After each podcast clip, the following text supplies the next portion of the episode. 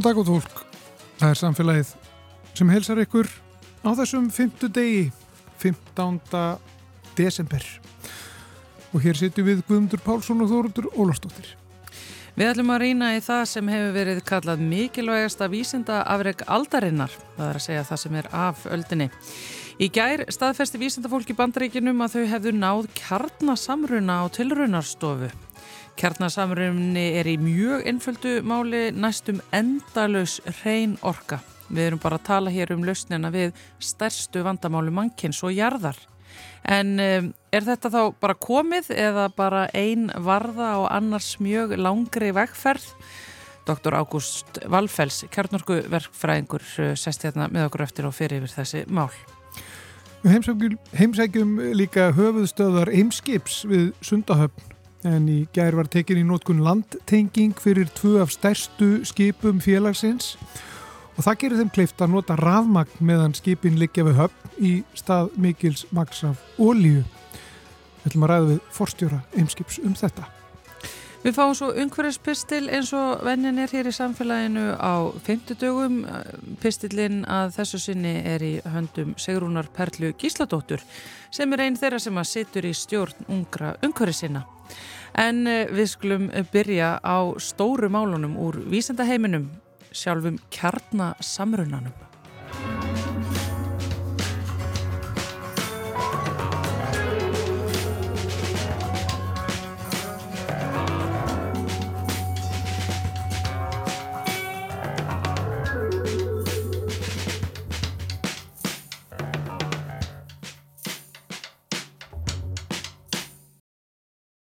Það er talað um tímamóta áfanga þegar kemur að kjarnasamruna. Eh, það var tilkynnt í vikunni að ára löng tilrauna starfsemi hjá orkumálastofnum bandaríkina hefði skilað því að þeim hefði tekist að ná því sem er kallað kjarnasamruni. En það þýðir samt ekki að það sé búið að klára málið og við séum búin að leysa orkuþörf mannkins. En við ætlum samt sem áður að rína í þennan áfanga og þýðingu þess og uh, hvernig það mögulega breytir framtíðinu okkar. Hann er sestur hjá okkur Ágúst Valfells, kjarnorsku verkfræðingur. Sælverstu. Sælverstu.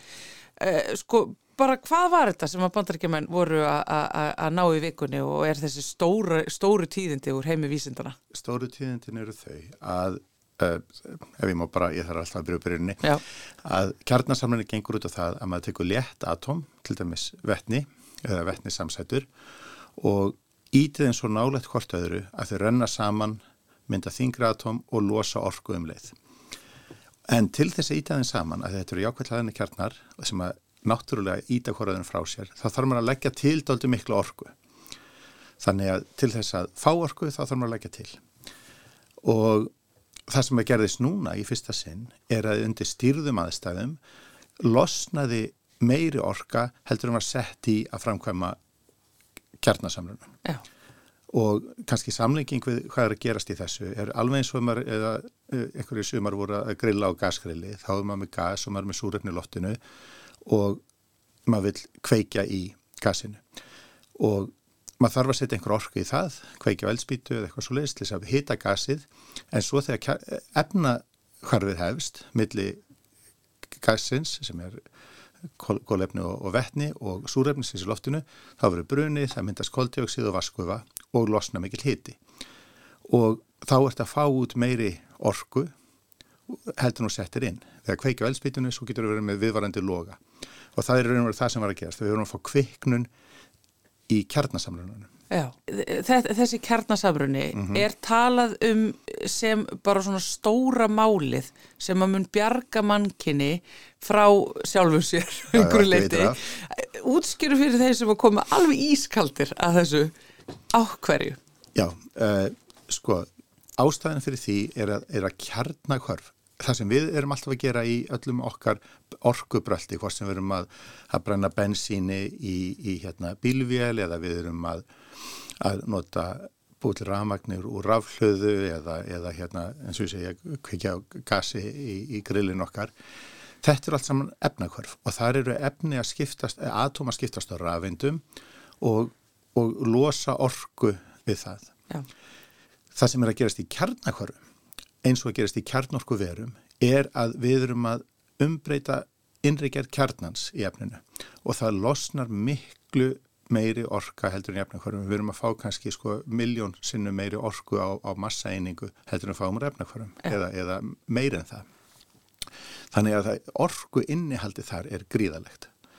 En það sem við höfum nýttað og hefur verið nýtt mikið í rávorku framleyslu er, eru svo kallið þessi hefðbundu kjarnorku verð en þau byggja á kjarnaklopnun og kjarnaklopnun er, er æðislega marguleiti, hún, þú veist, það er engin losan gróðurúsaloftöfunda, hún er í raun og veru þrátt fyrir svona svolítið uh, vantar, vantar ekki góða svona PR fólk fyrir yðnaðin, þá er þetta mjög örugt Já. og hildina lítið þegar maður skoðar sko með orku framlegslu. Já, þegar það er hræðilegt þá er það hræðilegt. Þegar það er hræðilegt og og það er auðvitað vandi þar það myndast við kjarnaklopnuna og við rávorkuframlösnuna myndast mikið af geyslavirkum efnum Já. sem að þarf að eiga við Úrgangurinn, Úrgangurinn. og að samaskapi það er auðvitað ekki til endalust úran en, en það er til aðra leiði til þess að, að láta kjarnaklopnun virka mjög vel og síðan er auðvitað einhægt af kjarnaklopnun er að tæknin sem er nótuð til þess að búa til eldsneitið fyrir sko rávorkuframlöslu hún nýtist líka við framlýslu á kjarnungssprengjum sem er þetta engum að gagni. Eh, Kjarnarsamruninu hins vegar sá að kosturum við það er að það er til losnar gríðarlega mikil orka sem er sammett með, með kjarnarkuðurunum hefðbundu.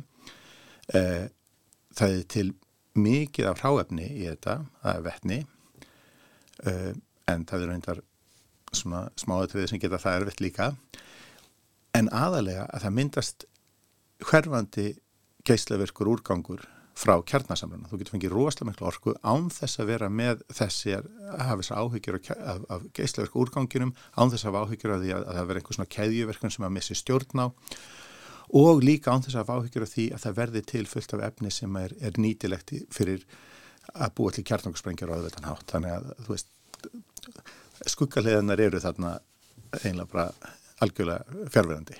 Þannig að þetta er í rauninni bara framleiðsla orgu mm -hmm. uh, án mengandi áhrifa, eiðilegjandi áhrifa og slæmra samfélagslega áhrifa. Já, já. Þetta, er bara, þetta er bara orgu innspýting Draumur í dós. Draumur í dós já. og þarna er náttúrulega komin ástæðin fyrir því að, að, að það er hort svo mikið til þess að þetta gerist. Já. Það sem að var að gerast í bandaríkinu núna í vikunni, þýðir það að þetta sé komið? Nei, nei, nei. nei, nei. Uh, það, það, hérna, það þýð það alls ekki, þetta er samt merkilegur áfangi. Þetta, þetta það að, að, að hafa fengi kviknun að, að orkan sem losnar við kjarnasamrunan nægi til þess að sko að viðhaldunum ákveðnum magni. Og það er það sem er, er kannski það, það er mjög merkilegt og hefur ekki gerst af mannavöldum nema í sko vettnissprengjum, í kjartningssprengjum og mm. við lítum ekki á það sem stýrðan hlut. Um, en það sem á eftir að gera er að sjá að sko að framleiða jafnmikla orkur kjartnarsamrænum eins og er lögð til í allan búnaðin. Þannig að það sem að gerist hér í þessu, þessari tilhörun þarna er að það eru til þess að framkalla kjartnarsamræna þá þarf maður að taka vettni og maður þarf að hýta það upp í einhver hundra miljón gráður Já og það þarf að vera við gríðanlega þrýsting sem er sko, einhverjar miljardir loftþingda og það þarf að halda því þannig í einhvern ákveðin tíma. Af því að þetta er svona, það er frekar erfitt að, að koma því saman. Úf, Ágúst, hlusta á þetta, sko, ég á sko, ég er leikum með að búið til jólasmákukur, þetta er bara, þetta já, er einhver eldurstörf sem að eru bara Já, þetta, já, er, þetta, þetta, er, flók, þetta er flókin eldurstörf, sko. Uh, búið til súflegir ekkert mál með þetta, en, en hérna, en, en þetta, það er rosalega erfitt og það sem er verið að gera á þessum stað, það sem er þessi tilraun er svolítið sérkennilega aðferð að þá er skotið leysergeislum á svona hol, það, það, það er lítið holrum sem inni heldur kjarnaelsneiti fyrir, fyrir kjarnasamruna uh, vettnisamsætur, mismændi og síðan er skotið leysergeislum úr öllum áttum á yfirborð. Það yfirborð er snögg hitað þannig að það verður eins konar sko, það, það, það er það eiginlega gufar upp yfir borðið en á móti verður höggbylgja inn á við sem að kristi saman vettið og mynda þennan ógnar hita og, og hérna, þrýsting. Þa, það, og það er mjög erfitt að það þarf að leysa henni þau eru mjög afmiklir þeir þurfa að koma á öllum áttum jamt þannig að þetta, þetta er rosalega flókið og, og það spyr að geta í þessari sko, tilhörun orkan sem kom út úr kjarnasamlununum í þessu skipti þó svo að, sko, að það hefur verið meira heldur en orka leysergeislana sem kom inn þá hefur maður horfið á það hversu mikil orka fór í að búa til þessa leysergeisla þá var hún sko hundra sunnu meiri heldur en orkan sem kom út úr kjarnasamlunum þannig að við erum bara að fá út 1% af orku að raforkuna sem fór í að, að, að búa til þessa leysergeisla þannig að þetta er Þannig að þessi hugmyndum sko sem man, maður hefur alltaf hugsað sko, kjarnasamrunni er hérna lítil orka inn, rosa mikil orka út, Já. það er ennþá bara eitthvað sem er til á bladi, hefur ekki sínt sig ennþá. Eh, eins og ég segja, við hefum getið gert það með kjarnarkbúið til með kjarnarsprengjum en, en, en, en það er ekki, ekki. að þessum stýrað hátt. Og, og það er það sem mismunum er, fólk, þetta er svolítið eins og hagtölur sko, menn eru með mismundi viðmiðum að það eru að kunna að tólka þér, ég kann ekki tólka hagtölur, en þannig að það er þetta jafnfægi þess að segja orkan sem fór inn í kjarnasamrunan og með við orkunum sem kemur út, það er svona fyrsta þrepið að ná sko meiri orku út heldur en komið inn þar en þá ertu að horfa bara orkuna til dæmis í þessu tilviki leysirgeislum sem kemur inn. Já, já. En síðan ef þú ættir að horfa á þetta, sko, það sem ég kalla svona verkfræðilega jafnvægi þessu, þá segiru orkan sem fór í að knýja öll kerfin, allt orkuverið, skilur þannig og þá ertu að horfa öll orkutöpin í, í búnaðinu sem fer ég að búa til í þessu tilviki leysirgeislana, að þá þurftur að fá jafnvægi þar, það er þið sko mjög stór áfangi. Og síðan næsti áfangi þar á eftir er að segja að orkan sem færð út úr þessu sé það mikið umfram orkana sem settir inn að það sé hagkvæmt. Sko fjárhæslega að framlega þessa raforku í samkjafni við vassorku verið eða hefðbundi kjarnorku verið eða gas eða hvað sem er. Þannig að veist, þetta er í svona nokkur, nokkur um þrepum en, en þetta er samt merkilegur áfangi. Sko, fyrir allan þorra almenning þá eru við náttúrulega alltaf að hugsa um tíma. Mm -hmm. Hvenar verður þetta komið? og ég hef spurt að þessu í þessu þætti það verður eiginlega engi vilja segja neitt af þínu kollegum og þú sjálfur sko en það hefur verið talað um áratugji e, Já og, og brandarinn er auðvitað alltaf að segja sko að kjarnasamröðin er orka framtíðurinnar og verður það alltaf en það er ekki alveg rétt við höfum, við skulum segja þessir fjöldi áratugana hefur, hefur stist aðeins Við þetta? Ára. Já, við þetta og ekki bara við þetta sko. Þessi tilhörna svolítið sérstök eins og ég segi þarna er verið að skjóta leysergeislu myndis að búið til rosalega mikinn hátt hittasteg og þrýstingu mjög litlu svæði en, en þessi tilhörna er fyrst og fremst sko uh, kemur til út af kjarnorkuvapnum að eftir að, að hérna var sett bann við, við kjarnorkusprengingum að þá hérna þurfa ríki sem eru með kjarnorkuvapn að leita leiða að geta að því að kjarnangvarp eru sko þú smíða kjarnangvarsprengja og svo leiðist, þetta er allt geysla virt og svo leiðist og þeir nigna og, og breytast með tímanum og verða ekki áreðanlegar sem er kannski gott en, en, en hérna með tímanum. Þannig að, að stórvildin eru að reyna að gera tilraunir og, og prófanir á kjarnangvarsprengjum án þess að búti kjarnangvarsprengjur og það sem að þessi tilraunastöð er hönnu fyrir er að gera rannsóknir á efni við mjög hátt hittasteg og mjög hátt þrýsting. E, og ástæðan fyrir að fá þess á fjármagnum sem þið fá er svo að þetta eru tilhörnum sem nýtast við kjarnorku vopnarannsóknir en það þýðir ekki að það er rannsóknir sem eru að gera þarna nýtist ekki sko. Þarna eru líka fyrir fólk sem er, hefur áhuga á, á stjartvísindum og, og, og alls konar fræðum er, getur nýtt sér þessar tilhörnir og líka fólki sem er að hugsa um kjarnasamruna til raforkuframlegslu. En þessi aðferð með að gjóta leysergeislum og þrýstefnum saman verður vantarlega ekki svo aðferð sem er nótu sko í praktísku. Þá er ja, hagnætum svona framlegslu á raforku. Þá er miklu líklega að fólk noti það sem við kallum svona segulbruna sem er tæknið það sem er mjög sterk segulsvið halda þessu heita vettniskassi sem er þá orðið leiðandi Eh, í, í, í stað og það er eh, svona búið til það sem við kallum segulflösku þannig að þá getur það haldið í afmörkuð í rúmi án þess að það sé neitt svona efnislegt sem að haldið í þar. Það virkar vel. Nei, það, Já, fólk er búið að vera að byggja svo leiðis en, en þau orkuver eru ekki búin að skila þessum sama árangur þar að segja að setja meira orku út heldur en inn. En, en, en þau eru líklega til þess að vera þau sem að myndu vera hægnit og það er verið að byggja til dæmis þekkt orkuverið í Suðufraklandi, það er að kalla ITER, ITER, svona alþjóðlegt samstagsverkefni og þar eru menn að horfa á sko að geta búið til alltaf tíu sunnum meiri orku, markmiðið þar er að búið til tíu sunnum meiri orku sagt, með kjarnasamluna heldur um fyrir inn í stuttan tíma að geta búið heldur til fimm sinum eru orku heldur um fyrir inn í, veist, í eitthvað á skalanum tíu mínútur og svo að gera próf ímsra aðferði til dæmis við að, að framleiða eldsneiti fyrir kjarnasamlunum og svo leiðis og, og, og það, er, það er bara annað.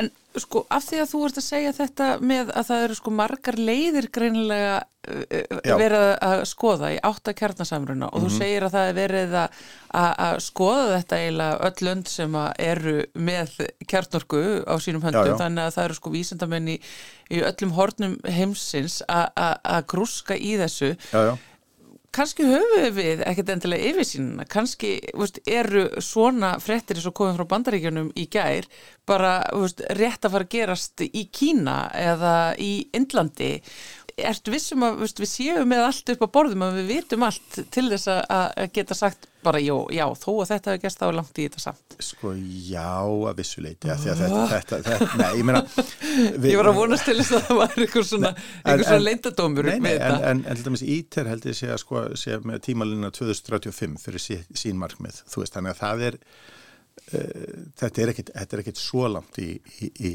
í framtíðinni kannski vonandi. En, en hérna En ég held almennt að fólk hafi svona þokkalið sín um hvað að gerast. Þetta eru stór verkefni og mikil og þetta menn hittast á ráðstefnum og ræðamálinn og, og vandamálinn og byrta greinar og, og, og fólk hefur svona svona tilfinningu skiljur fyrir hvað er í, í deglunni. Já, já. Ja, kannski er einhver að vinna í kjallarinn hjá sér og kemur með þetta bara svona og þá verðum við glöð. En er það ekki einmitt stundum svona í þessum hérna, stórskrítnu vísendu sem að þú hefur sérhæfti í að stundum bara gera slutinir bara svolítið allt í einu. Jú, þeir gera svolítið allt í einu en út af því hvað það þarf mikla orku til þess að koma sem hverfum að stað að þá er það ólíklegt, tel ég, að það gerist. Þetta er ekki svona pensilín fættistóvart í, í, í nei, en, en það, það eru þetta fólk sem er að skoða líka aðra leiðir að, að, að, til dæmis að nota hérna léttmálmat til þess að hérna kælta léttmálma svo í sér vettni og, og, og, og hérna þú getur fengið svo kaldan, kaldan samrunni og svo leis og fólk eru þetta búið að skoða það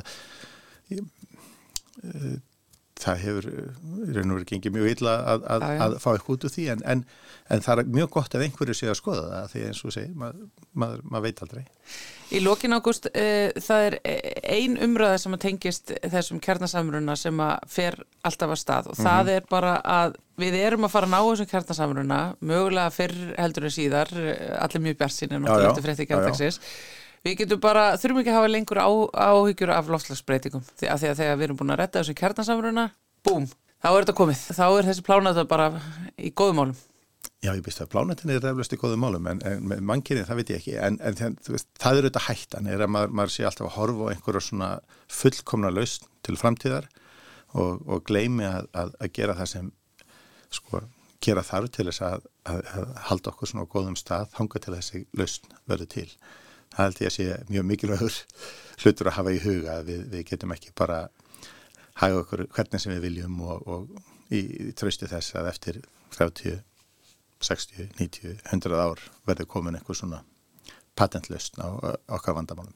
Þannig að ágúst við höfum halda áfram með flokkunastampana og orkulustinnar og, og... Já, við höfum halda áfram orkulustinnar stemmast í held ég ofjölgum mannkynns og, og, og svona ofneyslu bara.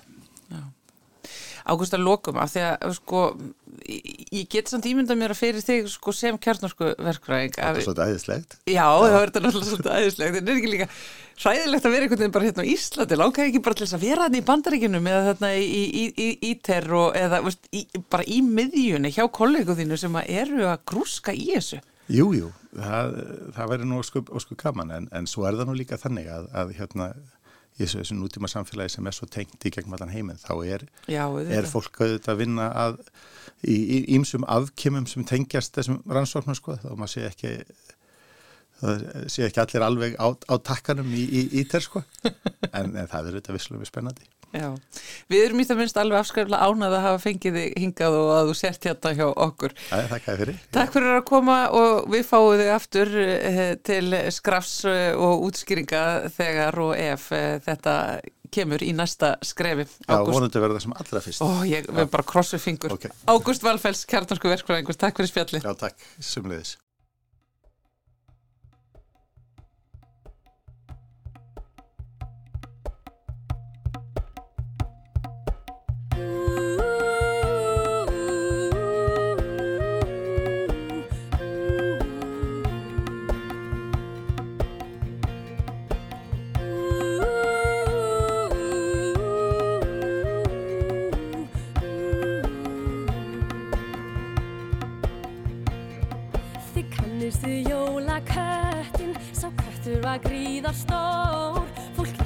hvaðan hann kom eða hvert hann fór.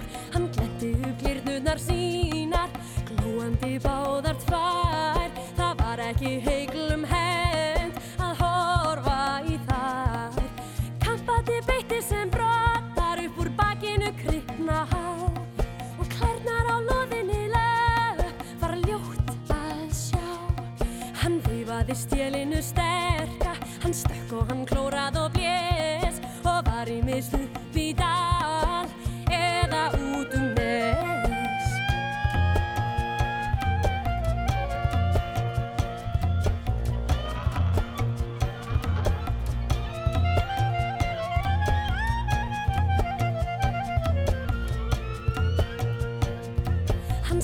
Báði sóttinn og grímur í sárkvöldum jólasnæ og vakti í hjörtunum róll á hverjum bæ. Ef hjálma var umlega úti var ólugan samstundis vís að þið vissaðan veit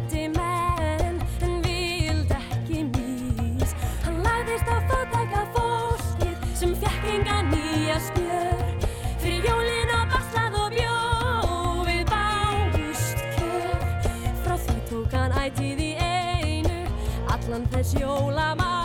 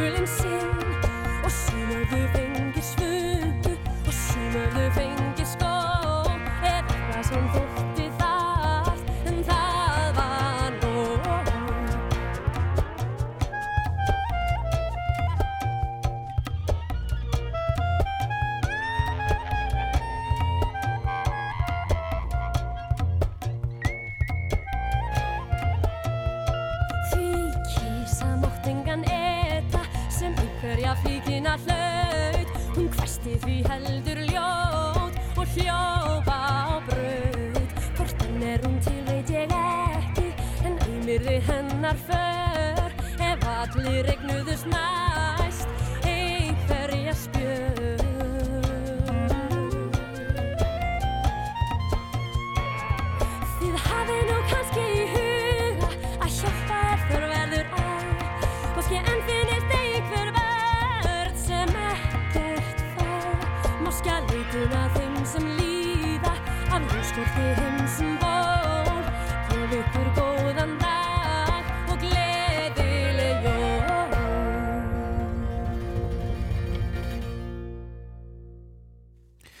Þetta var Ragnarður Gröndal sem söng þarna um jólaköttin um, eftir Ingi Björgu Þorbergs um, lægið uh, ljóð eftir Jóhannes úr Köllum. Í gær var tekinni nótkun landtenging flutningaskipa Eimskips við uh, Sundahöfn. Og þannig er nú stíð ákveði skref í uh, rafvæðingu hafna sem að mikið hefur verið talað um. Og uh, nú er hægt að landtengja Eh, skip félagsins þessi, þessi stærstu skip við ramagn þegar þau liggja við höfn. Og það þarf þá ekki að keira þau á ólíu og framleiða þannig orku fyrir skipin meðan þau eru í höfn með allri þeirri mengun sem fylgir nótkun ólíu. Við komum við í höfustöðum heimskips í morgun og rættum þar við Vilhelm Þorsteinsson. Hann er forstjóri heimskips. Jú, okkur finn, finnst þetta að vera mikilvæg tímamót í rekstri okkar frá nokkrum sjónarhóttnum eða vinklum. Eh, Ungverðismálinn eru kannski þar fremst í flokki og við áætlum að áskrundvelli eh, með því að landtengja eh, þessi bæði skip, okkar, okkar nýjustu skip, Dettifoss og, og Brúafoss, að, að þá munum við ekki nota alltaf 240 tonn af ólju á ári til að keira ljósavélar þar sem að skipin eru þá landtengd rafmagni. Og það jafngildir um 750 tonnum á ári koldjóksi sem fer þá ekki út í andrúsklofti þannig að það er auðvitað uh, mjög gott skref að, að taka uh, síðan er þetta auðvitað græn orka og það er jákvægt í þessu samhengi og það er líka auðvitað hljóðlátara fyrir áhöfn og, og fyrir umhverfið að vera ekki kera ljósavélar í, í, í þeirra skipin líka af bryggju þannig, þannig að það er líka hljóðvist í þessu sem er, sem er gott fyrir okkar, okkar samfélag hérna niður við Sundahöfn. Hversu mikið mál var að koma þessu á koppin? Sko, þetta hefur verið rætt náttúrulega lengi að þetta þurfi. Eh, Rafvæðing hafna hefur verið svona á tekniborðinu í mörga ár var hugmynd lengi vel en er núna svona, þetta er að byrja sem staðar. Við sáum það fyrir, fyrir nokkru mánum að það var tekinn í nótkun búnaðar í hafnafjörðahöfn fyrir skemmtifjörðarskip. Við sáum svona, þetta er að byrja. En hversu mikið mál hefur þetta verið og af hverju er þetta svona, svona mikið mál og erfitt? Já, verkefni í sjálfum sér eh, byrjaði og að skrifa undir viljaflýsingu árið 2020 og, og beint í, í miðjum COVID-faraldri þannig að ekki var það nú kannski til að einfalda eh, verkefni en þetta er flókin búnaður og ekki svo kvöldilega hilluvara þannig að það er þarna verið að sérsmíða þann búnað sem þarf um borðið skipin og, og sama, sama er með búnað sem er í landi e, til þess að umbreyta ströyminum yfir í réttan ströym fyrir skipið og, og til að setja þetta í samhengi að þá er ströymurinn um 1,6 eh, megawatt eða ígildir um rafmagsnótkunum 1200 heimila, meðal heimila, þannig að þetta er umtalsvert. Eh, samstarfi við okkar samstagsæli þessu var mjög mikilvægt.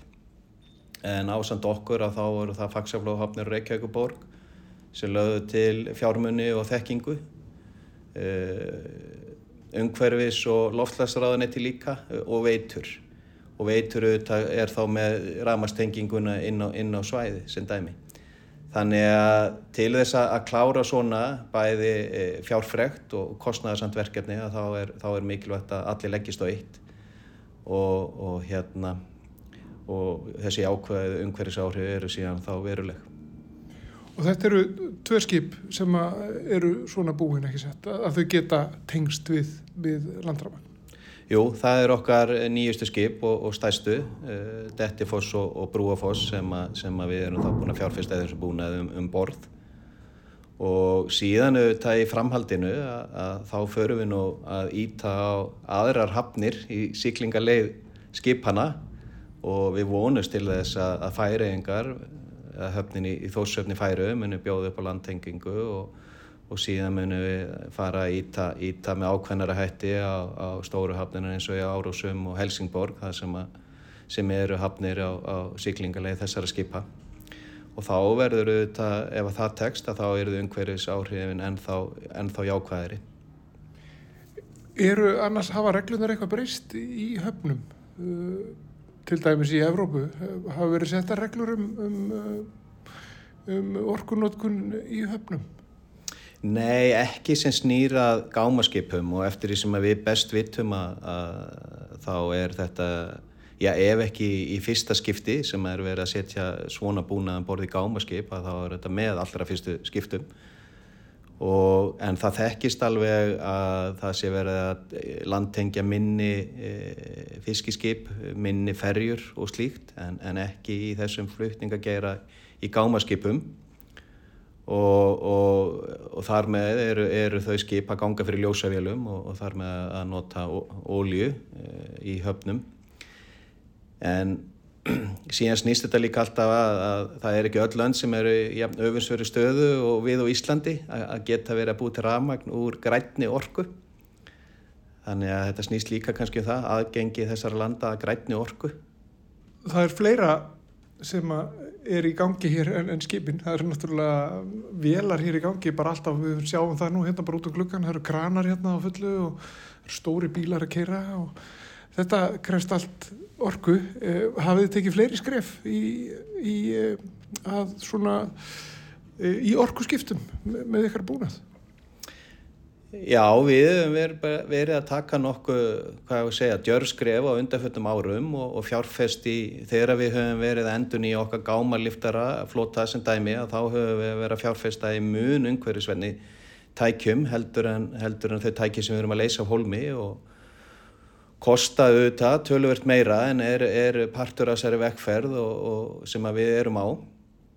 Uh, allir gáma kranar félagsins eru jáfnframt uh, rafdryfnir gamli jakin sem að margir landsmenn þekkja og hefur verið hérna tákn uh, undanförnum áratögum við vorum löngu búin að ráftengja hann en við erum núna búin að ljúka því verkefni líka að að rafvæða alla hina þrjá kranana í höfninni. Og svo vorum við að, að skrifundi samning og og fjárfesta í tveimur fyrstu alvöru trukkonum sem eru þá gang, munu ganga engungu fyrir rafmagni. Eru mjög spennt að taka þá í, í rekstur núna mars-april og sjá hvernig þeir munu nýtast okkur og ef að vel gengur að, að þá sér maður fyrir sér að, að það verði kannski á þeim nótum sem við munum hægt og síðandi endun í okkar til dæmis trukkaflota. En við erum að, reyka mjög stóran flotta af trukkum og stórum sem smærri og telja yfir, yfir hundrað. Og í heildin eru að reyka hérna í okkar innanlandstar sem er hátt í 500 tæki sem dæmi. Nú þegar er mikið af þeim auðvitað smærri liftur með öðru eh, rafknúnir en, en við sjáum fyrir okkur að, að hérna fleiri og fleiri við enduníun verð, verði rafknúin líka. Þannig að það er að koma uh, rafknúnir flutningabílar? Eru það þessi stóru sem að, sem að flytja gáma hér á milli staða eða, eða vörur hérna?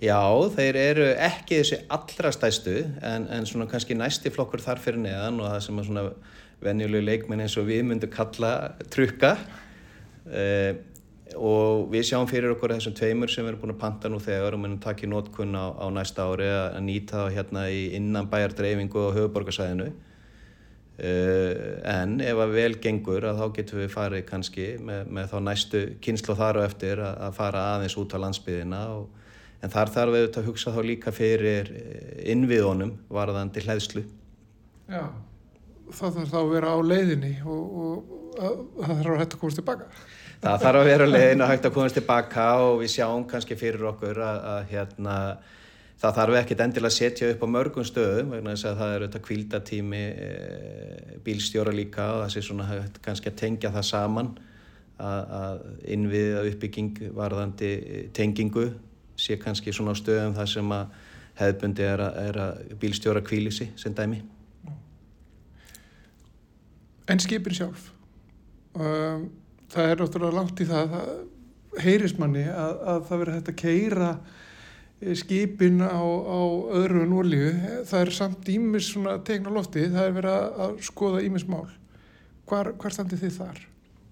Þetta er alveg rétt og yðnaðurinn sem slíkur er á flegi ferð eh, í, í greiningu og skoða og möguleika á, á öðrum orkugjöfum heldur en hefðbundu jarðarna elsniti.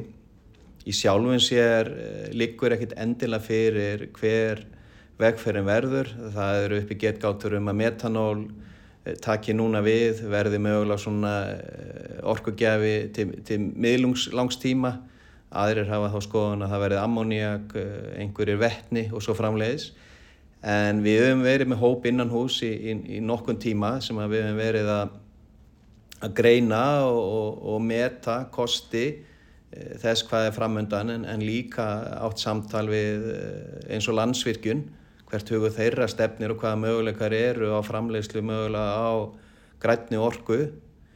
En það er ekkit launungamála til að ná alvöru árangri í orkuskiptum félagsins að þá verðum við að ná því um borði í skipunum.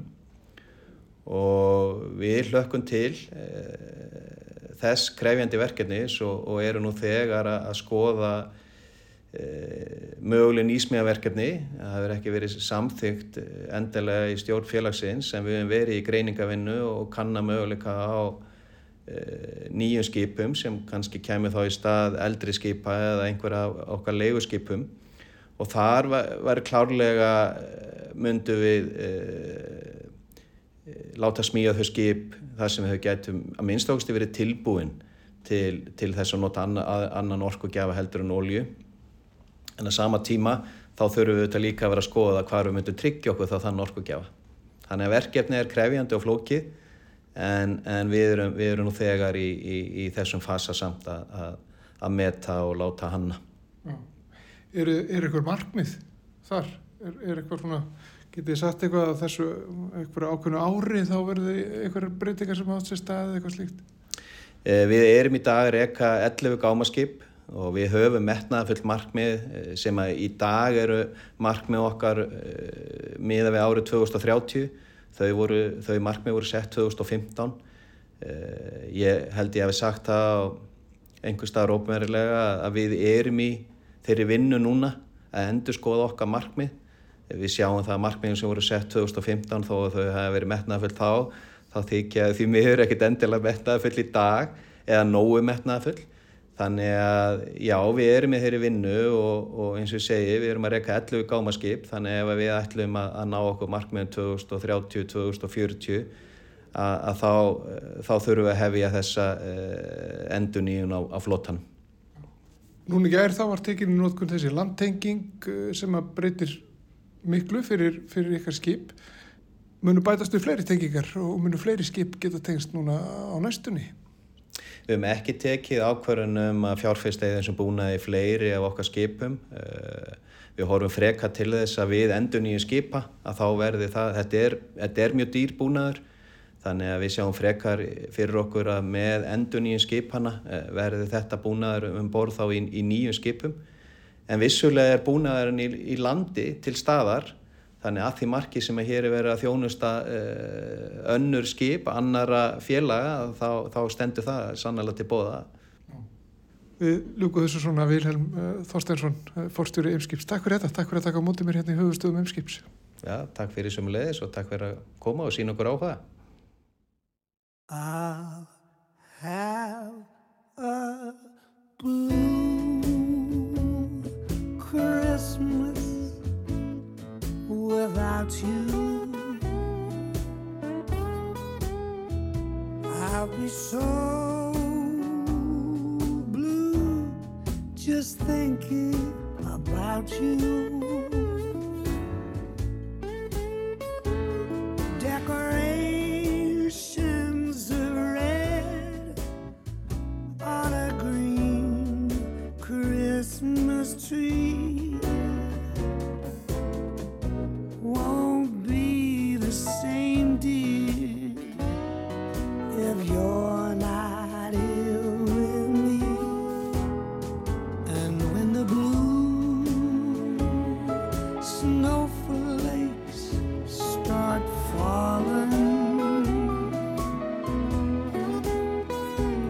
when those blues.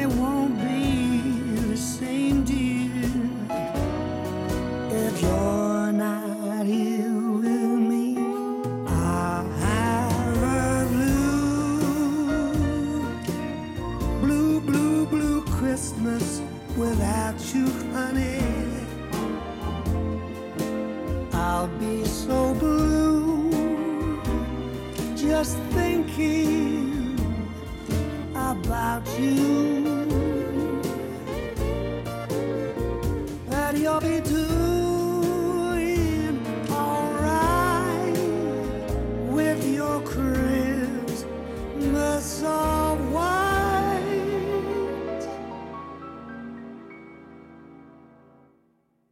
But I'll have a blue,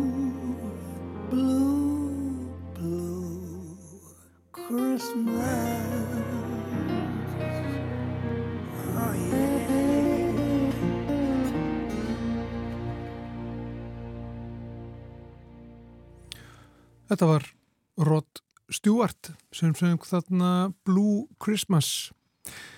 Við ætlum að eftir að eh, heyra umhverfispistil eins og alltaf á 50 dögum. Það er Elisabeth Hertís Brynjastóttir sem flyttur okkur hann. Hún situr í stjórn ungra umhverfisinna. Já, ég fór með rántnafn hér í kynningu þáttarins eh, en Elisabeth Hertisar Brynjarsdóttir er með pistilin hér og eftir en áður en að við hleypum henni að ættu við ekki að henda í eins og eitt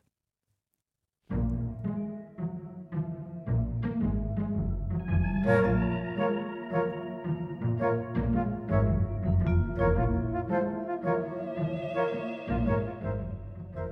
Ruslarappið með Eiriki Erni Þorstensinni sem er sérfræðingur í fræðslu og miðljón hjá Sorpu farið af stað eh, Sælvertu Eirikur. Kundu sæl. Við tókum í ruslarappið fyrir skemstu umræðu um kertavaks sem er mælt með að flokka sér frá og þegar er yfirleitt tekið við kertavaksi í endurvinnslu. En uh, þegar maður er bara ekki með kerti, heldur uh, sprittkerti, þá sko er fólk eitthvað svona aðeins að vesenast með hvað þeir að gera. Já, sjálfur sko spritkerta kopparnir eins og eru oft kallaði það er flokkað þá bara með málmi. Uh, og oft er fólk að veltaði fyrir sig hvort það þurfa að reynsa kertavaksið ef það er einhver svona leifar Já, hvort það þurfa að reynsa það sérstaklega úr. Um, það er í raun og veru óþarfi út af því að þetta kertavaks ætti þá að bara brenna auðvitað upp þegar málmurinn er svo endurunnin. Já, þannig að svona litlar leifar af kertavaksi það, það ætti verið lægi að það færi með já, ég hef alltaf einhvern veginn verið að reyna að brjóta kertavaksið upp úr og kroppa í það þegar ég er að reyna að taka þessa koppa frá, en það er sem sagt ég get bara fara að sleppa því og setja þetta beint í málminn. Já, en svo er þetta eins og þú ert að, eins og þú ert að lýsa þessu þetta er náttúrulega líka bara mjög sniðut að, að taka þetta kertavaks sem er eftir og setja ofan í eitthvað annað kerti og Já, já, já. lifa því að lifa lengur Já, já, já, maður, það er allt til í þessu. Þetta er allavega, sko, þetta mikla pill er ekki mjög nöðsilegt. Nei, Gott að vita, það er ykkur að Tarsesson. Takk fyrir. takk fyrir mig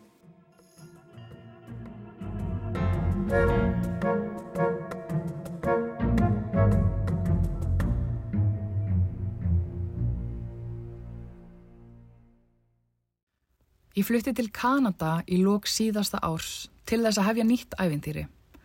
Á milli verkefna hef ég gefið mér tíma til að fara út og finna góðan stað til þess að setjast niður og horfa á sólsetrið.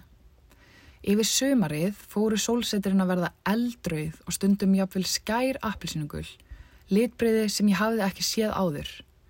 Uppnuminn yfir fegurðinni tók ég myndir og deildi með fjölskyldunni heima Íslandi aðeins til að skilja stuttu síðar af hverju sólsetrið blætti þessi kvöld. Gífurlegir skóaraldar höfðu breyðst út á vestuströnd Norður Ameríku og loftmengunin sem fylgdi þeim lituðu heiminin blóðröðan. Kæri hlustandi, áður en ég held áfram þá vil ég staldra við og kanna betur hvernig við hlustum á og skiljum frásagnir. Hver dæmir vægi mismunandi sjónarhortna? Rannsóknir hafa sínt okkur að þau gildi og hugmyndafræði sem við aðhyllumst móta upplifin okkar af viðbyrðum. Það veldur á heimsmynd þinni hvernig þú skilur eða heyri frásagnir. Mismunandi einstaklingar skilja sömu frásögn á ólíkan hátt því tilneying okkar og fyrir reynslur geta verið svo sterkar að þær móta raunveruleika okkar í dag.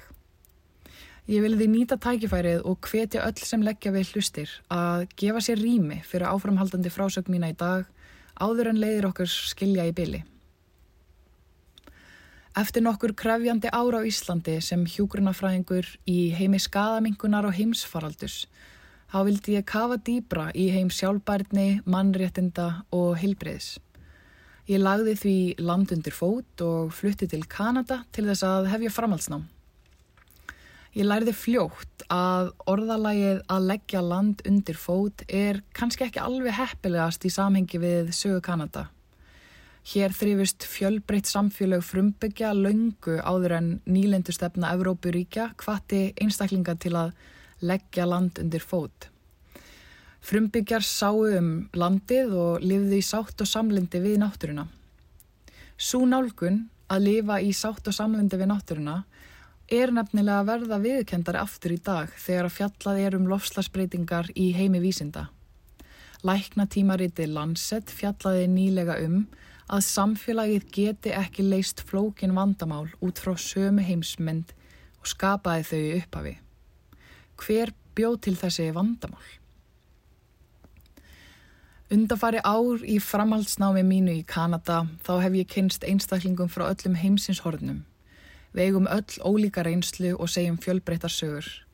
Þessar sögur hafa sínt mér, samlega rannsóknum á fræðum, að sama hver heimsín okkar er, þá er svo margt sem saminar okkur. Ég mætti á samstöðu fyndi fyrir Íran með bekkjasýsturum mínum, lofslagsverkfull skipulögða frumbyggjum Kanada og sótti fjölmarkar pallbors umræður leittar af möskvíum þjóðinni sem bjó á landi háskóla míns áður en það var numið að landnámsfólki. Líðræðislegur réttur okkar til að tjá okkur um málefni sem við brennum fyrir er hlutur sem saminar okkur, þó málefnin geti verið misjöfn. Fjöldamótmæli á borð við lofslagsverkfallið hafa saminað kynnslóðir, byggt upp sameilan skilning á áskoronum framöndan og skapað sterkan félagskap og samstöðu. Þegar við beitum okkur fyrir náttúrinni þá beitum við okkur fyrir framtíð okkar og framtíð þeirra sem á eftir okkur koma. Að byggja upp samstöðu er gífurlega mikilvægt. Tilfinningin um að tilheyra heild í stað fyrir tilfinninguna um okkur sjálf. Það er nöðsilegt að saminast til að finna lausnir. Við sjáum áhrif lofslagsverkvalla víða í dag til dæmis innan heims viðskipta og fyrirtækja þar sem lögð er nú ríkari áhersla á sjálfbærni sem er talin sjálfsæðari en áður fyrr. Ungt fólk sem tók þátt í að berjast fyrir lofslæginu fyrir nokkrum árum er farið að eldast og verða hluti að vinnuafli framtíðarinnar. Með breytum áherslum verður sífælt erfiðara að hunsa manngerðu ógnina. Nú í desember, eftir rúmt ár frá heimahögum mínum, reykar huguminn tilbaka til Íslands. Desember er yfirleitt mánuður samverustunda en líka kjörin tími til að staldra við og líta tilbaka. Þegar ég lít tilbaka út frá hlutverki mínu sem hjúgrunafræðingur og rifja upp síðustu ára af heimsfaraldri, þá stendur upp úr sá lærdómur að heilsa og heilbriði allra tengir okkur öll saman. Þegar við skinnjum þær sameilu óknir sem stefja að okkur, fæðast lausnir sem gera okkur kleift að takast á við ókninar í saminningu. Heimsfaraldur kendi einni heilbriðiskerfum víða um heim að heilsa okkar og heilsa vistkerfa jarðarinnar eru samofinn fyrirbæri. Þegar ég velti því svo fyrir mér hvert hlutverk mitt sé í þessari samstöðu, þá horfi ég á möguleikana sem felast í hlutverki mínu sem einstaklingur með heilbriðismentun. Auðvel, auðveldast er fyrir mig að líta til síðarregluna sem vísa mér leiðina eins og viti. Hjúgrunafræðingum ber meðal annars að þekkja skildu sínar og virða síðarreglu stjættarinnar, viðhalda þekkingu sinni og fagleiri færni og tilenga sér nýjungar er varða starfið. En hvernig snýr þetta nú að náttúrunni, jörðin okkar og þeim áskoranum sem mannkinni stendur frammi fyrir? Jú, það er nefnilega kjöri tækifæri á komandi ári til þess að lækna og hjúgra samband okkar við jörðina. Líðhelsa Íslendinga er eitt af því sem saminar okkur. Heilbriði mitt og heilbriði þitt getur velt á því hvernig samfélag við viljum skapa. Þegar nýtt ár gengur í garð, þá vona ég að við getum öll sammælstum að vilja búa til heilnæmt og örugt umhverfi sem stuðlar að heilbrið okkar og lífskeiðum. Sum gætu hugsað þetta út frá sjónarhortni sjálfsins á meðan að aðrir hugsa um heildina en sama hvernig við lítum á það þá viljum við öll öryggi í öllum byrtingamyndum þess. Það er nú orðið ljóst að á veikri jörðu er nær ómögulegt fyrir fólk að lifa heilbriðu lífi. Mörg okkar brenna fyrir náttúrinni á meðan hún fyðrar upp. Heimsfrettir um hitabilgjur, flóð og þurka víða um heim eru nú stanslausar. Ég stend mig ofta því að spurja sjálfa mig hvað ætli fái fólk til þess að hlusta á vísindin og grípa til nöðsynleira aðgerða. Heilbriðstarfsfólk er í góðri aðstöðu til þess að láta málefni lofslagsins og umhverfis sig varða og tengja það við skildur sínar.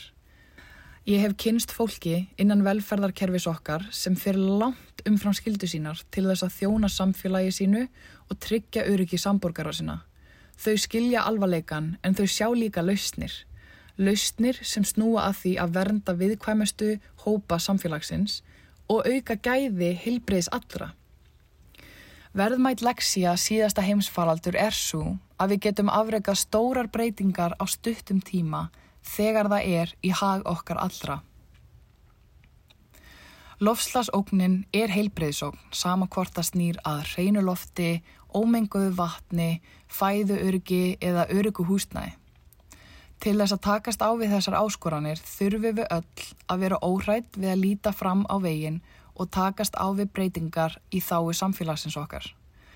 Veljan fólks ætti að vera mælikvarði framfara, ekki hagvöxtur. Við getum öll tilengað okkur þessa hugsun þó við séum ekki heilbreyðstarfsfólk og fundið tækifæri til að byggja okkar ákvarðanatöku á þessum grundvelli. Við getum spurt okkur, mun þessi ákvarðin í dag ógna heilbreyði mínu eða öryggi okkar? Eftir að hafa skilið betur ástæðunar á bakvið blóðurauða sólsetrið, þá gaf ég sjálfur mig lofvörð fyrir komandi ár. Ég mun finna leiðir til að setja heilbreyði og heilsu í kjarnalofslagslausna og hvetja alla einstaklinga til að valda ekki skada. Við getum vonandi saminast óháð hugmyndafræði, fyrir reynslum og gildum til þess að takast á við sameila áskorun okkar, lofslagsbreytingar, sem er framöndan. Fegurð blóðröða sólsetursins hjálpa mér nefnilega líka að skilja að það er mikilvægt að halda í vonina. Þetta var Elisabeth Herdísar Brynjarsdóttir sem þarna flutti okkur umhverfispistilinn og sló með honum botnin í þátt dagsins. Já, við komumst ekki lengra í dag, Guðmundur og Þórhildur. Þakka fyrir sig, við verðum hér aftur á morguna sjálfsögðu. Heyrust á. Verðið sæl.